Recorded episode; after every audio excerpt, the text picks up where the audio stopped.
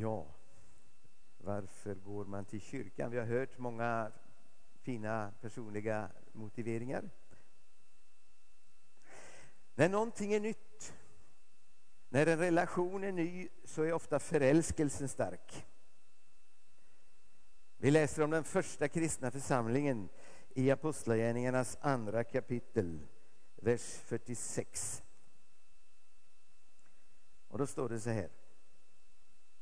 De höll samman och möttes varje dag troget i templet. Och i hemmen bröt de brödet och höll måltid med varandra i jublande uppriktig glädje. Känner du förälskelsen i detta? Det finns ingenting annat än församlingen. Varje dag i templet och på kvällarna måste det väl varit då hemma i husen. Och de prisade Gud och var omtyckta av hela folket och Herren lät var dag nya människor bli frälsta och förena sig med dem. Vilken förälskelse! Så småningom så blir det ganska svårt att vara en kristen på det första århundradet. Det blir förföljelse. Det kostade på att eh, bekänna sig till att jag tillhör Jesus. Och jag tror att det beror på de tuffa villkoren så kanske man 25 år senare kan läsa i Hebreerbrevets tionde kapitel följande ord. Tionde kapitlet i Hebreerbrevet, vers 24. Låt oss ge akt på varandra och sporra varandra till kärlek och goda gärningar. Och låt oss inte försumma våra sam sammankomster som några brukar göra utan uppmuntra varandra och detta så mycket mer som ni ser att dagen närmar sig. Det är en väldig skillnad på den här första förälskelsen då man var tillsammans jämt. Och så kommer det att vi måste dra i varandra för att vi ska komma samman.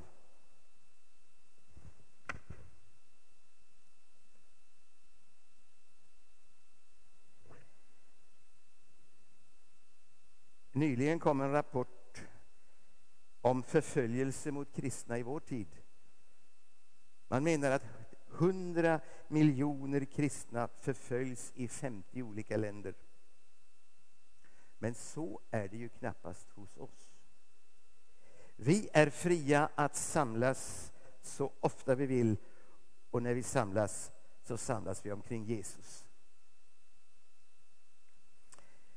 Han la ner hörnstenen eller grundplattan till församlingen den dag då Petrus hade kommit fram till att du är Messias, den levande Gudens son.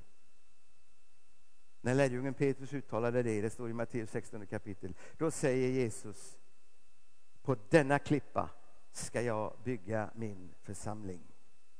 Och här börjar Jesus ett bygge eh, som ska sprida sig ut över hela världen och genom tiden.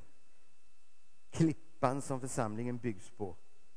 Kittet som håller ihop människor är tron på Jesus som frälsare och Herre. Därför är församlingen människor som samlas omkring Jesus.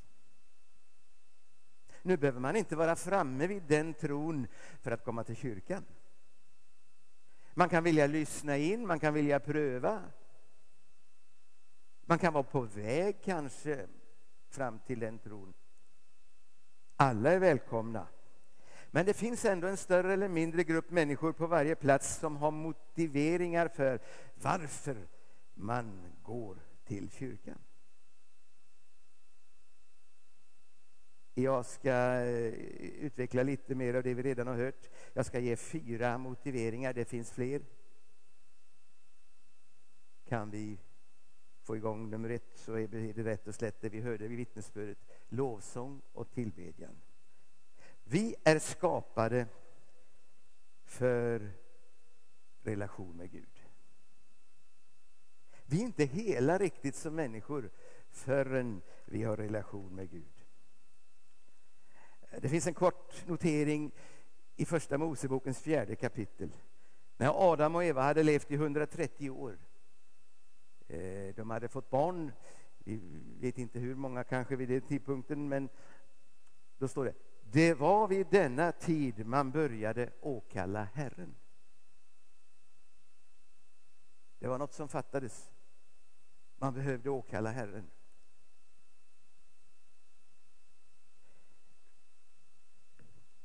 I psalm 103 skriver kung David Lova Herren min själ, hela mitt jag vill prisa hans heliga namn. Lova Herren min själ, minns allt det goda han gör. Han förlåter alla mina synder och botar alla mina sjukdomar. Han räddar mig från graven och kröner mig med nåd och barmhärtighet. Han fyller mitt liv med allt gott och jag blir ung på nytt som en örn. Här beskriver alltså David vårt beroende av lovsång och tillbedjan. Vårt beroende av att vara vända till Gud. För vi har ju allihopa gjort den här erfarenheten att arbetet, bekymmer av olika slag i våra relationer, stress tynger ner oss och splittrar oss. Men när vi har varit med på, som några berättar om här, cellgruppsmötet eller bön och lovsång eller gudstjänsten på söndag så har vi liksom återfått balansen. Vi har fått en vila i vårt inre. Vi har blivit mera hela. Detta är ett stort behov för oss. Men i relationen med Gud så är det också ett behov för honom. Han utgav sig fullständigt för oss i sin död på korset. Och han längtar efter att få höra sin församling lovsjunga och tillbe honom, gensvara honom. Det är en kärleksförklaring från oss till Gud som han längtar efter. Lova Herren min själ, minns allt det goda han gör. Han förlåter, han botar. Därför är just lovsången som sträcker sig upp mot Gud fäster fokus på honom och det han har gjort så viktig i gudstjänsten. Att beskriva vad jag tänker och jag känner och vad jag vill, det har också sin plats i relationen. Men det är så välgörande att få gå ut ifrån sitt eget e-, ego, ifrån sin egen begränsning och liksom fästa sinnet på allsmäktig Gud. Ingen är som du. Jesus, du är underbar. Du är mer än nog för mig. Du är kungars kung och herrars herre. Jesus, du som vann en evig seger. Du är värd vår lovsång i all evighet. Ja, det var lite citat från tre olika små lovsånger. I din personliga andakt kan du uttrycka samma sak, samma tankar. Men upplevelsen av att tillsammans med andra få lovsjunga och tillbe bygger upp på ett speciellt sätt. Vi går till kyrkan för att lovsjunga och tillbe Gud. En annan motivering som också framkom här bland vittnesbörden. Vi går till kyrkan för att höra Gud tala. Gud vill höra på oss, men vi behöver också höra Gud tala. När vi vänder oss till Gud med den inställningen, vad vill du säga till, till mig nu eller till oss nu? Då kan Gud tala både till individer och till hela församlingen. Som individ kan du uppfatta Guds röst genom den helige Ande du kan uppfatta det i ditt inre som en stilla viskning. Eller bara en tanke. En konkret tanke. Kanske en ny tanke som vägleder dig i din situation. Det kan ske under sång och bön, men står ofta i relation till predikan. I predikan försöker vi dra slutsatser av det ord som Gud har talat i historien. När den heliga Ande då vill tillämpa det som Gud har sagt och gjort i historien. Han, han har gjort det för länge sedan, men när den heliga Ande nu vill tillämpa det på oss, då kan det bli ett budskap som säger något viktigt till hela församlingen. Den som predikar är ju bara en vanlig människa. Därför kommer budskapet naturligtvis att färgas av predikantens erfarenheter och insikt eller brist på insikt. Men det Guds ord från Bibeln som ligger till grund för predikan det kan ändå alla vara med och pröva. Stämmer det här med Bibelns samlade budskap? Och gör det det, då är det inte en viss predikant vi tar ställning till utan det är vad Gud säger till oss som vi antingen tar emot eller förkastar. Här är ju då relationen till Gud väldigt avgörande. När judarna på Jesu tid inte ville tro på hans undervisning då säger Jesus i Johannes 8 kapitel Den som har Gud till far han lyssnar till Guds ord. Så varför går man till kyrkan? Jo, för att höra Gud tala. Tredje motivering vill jag uttrycka så här. Veta vart vi är på väg. Veta vart vi är på väg som församling. Jag tror inte att församlingen är statisk. Församlingen är inte en institution som är där och fungerar var vi än är. Kanske, säger jag, kanske att den gamla svenska folkkyrkan har gett oss den bilden i bakhuvudet. Eh, svenska kyrkan var ju en gång en statlig institution. Det är det inte idag. Men det tar säkert hundra år innan tänket ändrar sig. Den var en gång en statlig institution och gudstjänster har hållits i hundratals år Eh, efter en bestämd ritual. Det är bestämda, bestämda texter som ska läsas varje söndag och så vidare. Det har kanske gett en känsla av att när jag behöver tanka upp med en gudstjänst, mm, då kan jag gå dit. Jag kan ta emot förlåtelsen. Men kyrkan är inte jag. Kyrkan är en institution.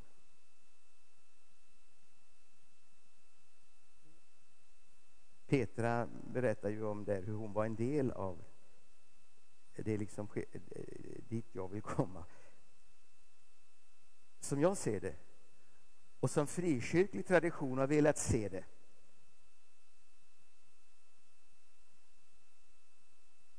så är församlingen en levande organism. Det nya testamentet liknar oss vid en kropp och där vi var och en är delade i denna kropp. Och en kropp som är levande kan inte stå staty. Utan kroppen är i rörelse åt något håll. I rörelse åt olika håll beroende på vilket uppdrag som ska utföras. Nu ska ni inte tänka att inte Svenska kyrkan kan fungera så. Men jag ser hur historien har präglat vårt tänk.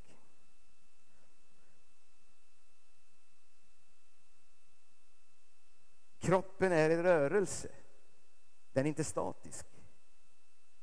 Beroende på vilket uppdrag som ska utföras. Och bara det att det kommer med nya människor i församlingen gör ju att eh, är, man, är man sällan med, då känner man ju inte igen sig när man kommer. För det har ändrat sig så mycket. Genom det Gud skapar i gudstjänsten, det vi upplever tillsammans, det vi tar till oss av Guds ord, så formas en inriktning. Det växer fram en gemensam erfarenhet av vad vi tror på och vilka vi är i samhället och vilket uppdrag vi har fått från Gud. Och det växer fram en gemensam identitet, vilka vi är och vad vi satsar på. Och, och därför så är det ju väldigt viktigt att komma tillsammans i kyrkan någorlunda kontinuerligt för att veta vart vi är på väg.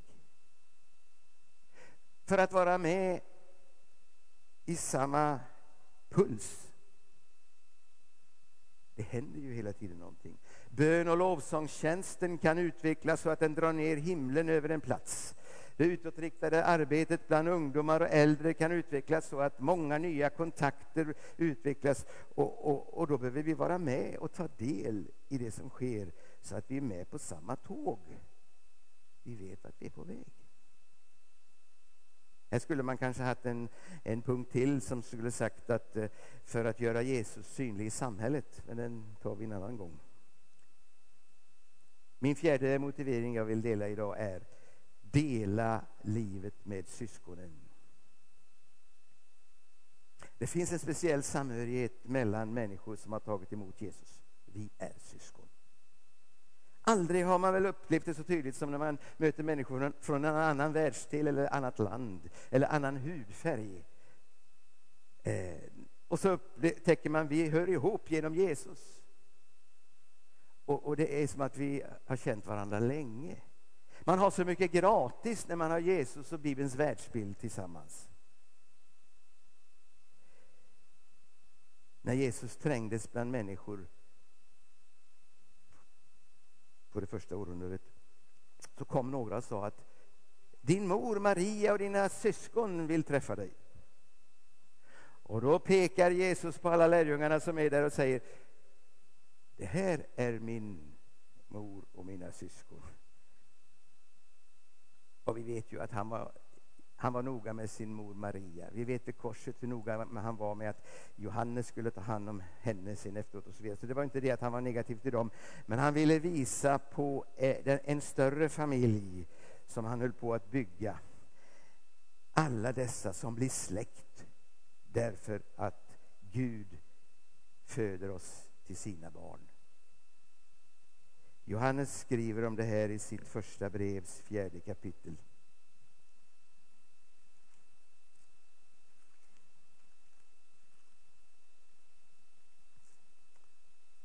Första Johannes brevs fjärde kapitel från 19 versen och någon vers in i femte kapitlet. Vi älskar därför att han först älskade oss. Om någon säger jag älskar Gud men hatar sin broder, då ljuger han. Det är den som inte älskar sin broder som han har sett kan inte älska Gud som han inte har sett. Och detta är det bud som han har gett oss, att den som älskar Gud också ska älska sin broder. Var och en som tror att Jesus är Kristus, han är född av Gud. Och den som älskar Fadern älskar också hans barn. Därför går vi till kyrkan för att dela livet med syskonen i Guds familj. Och precis som framkom i, kom i berättelsen här förut, så för att kunna få djupare gemenskap så behöver man mötas utanför gudstjänsten i lite mindre grupper. I mindre gemenskaper där man kan samtala och be tillsammans. Men också i gudstjänsten kan vi umgås, kyrkkaffet inte minst, för att uppliva vår samhörighet i Guds familj. När vi har berörts av den heliga Ande, då uppstår ett sug efter att inte missa nästa tillfälle. För vad kan, vad kan Gud säga då och vad kan hända då? Kung, kung, David har gjort en psalm på, här, på den här känslan när han började den 122 salmen med att säga Jag blev glad när man sa till mig Kom, vi ska gå till Herrens tempel. Och på den tiden så var det ju fest och högtid att få mötas i Herrens tempel. På den tiden var ju Herrens tempel platsen där Gud uppenbarade sig i det allra heligaste i templet i Jerusalem. Så det var väldigt speciellt att närma sig det. Det var där Gud uppenbarade sig. I vår tid är det inte byggnaden i första hand, även om vi kan få förknippa upplevelser i en byggnad, utan det är just gemenskapen av de troende. Som, det är i oss som Gud uppenbarar sig, det är i oss som Gud bor genom sin heliga Ande. Och därför så blir det ju att suget blir att få träffa de andra. Tänk vad ska Gud uppenbara genom oss tillsammans idag? Jag blev glad när man sa vi ska gå till församlingen. Blir det då för nu tid. Som sagt var, samtala gärna med varandra vid kyrkkaffet. Vad du uppskattar, vad du tycker är viktigt, varför du går till kyrkan. Och jag har bara velat tänka på de här fyra sakerna nu. Vi kommer tillsammans för att lovsjunga och tillbe Gud. Vi kommer tillsammans för att höra Gud tala. Vi vill veta, vi behöver veta vart vi är på väg som församling och vi delar livet med syskon. Och nu ska vi lovsjunga. Vara vända till Gud med sång, sångens hjälp.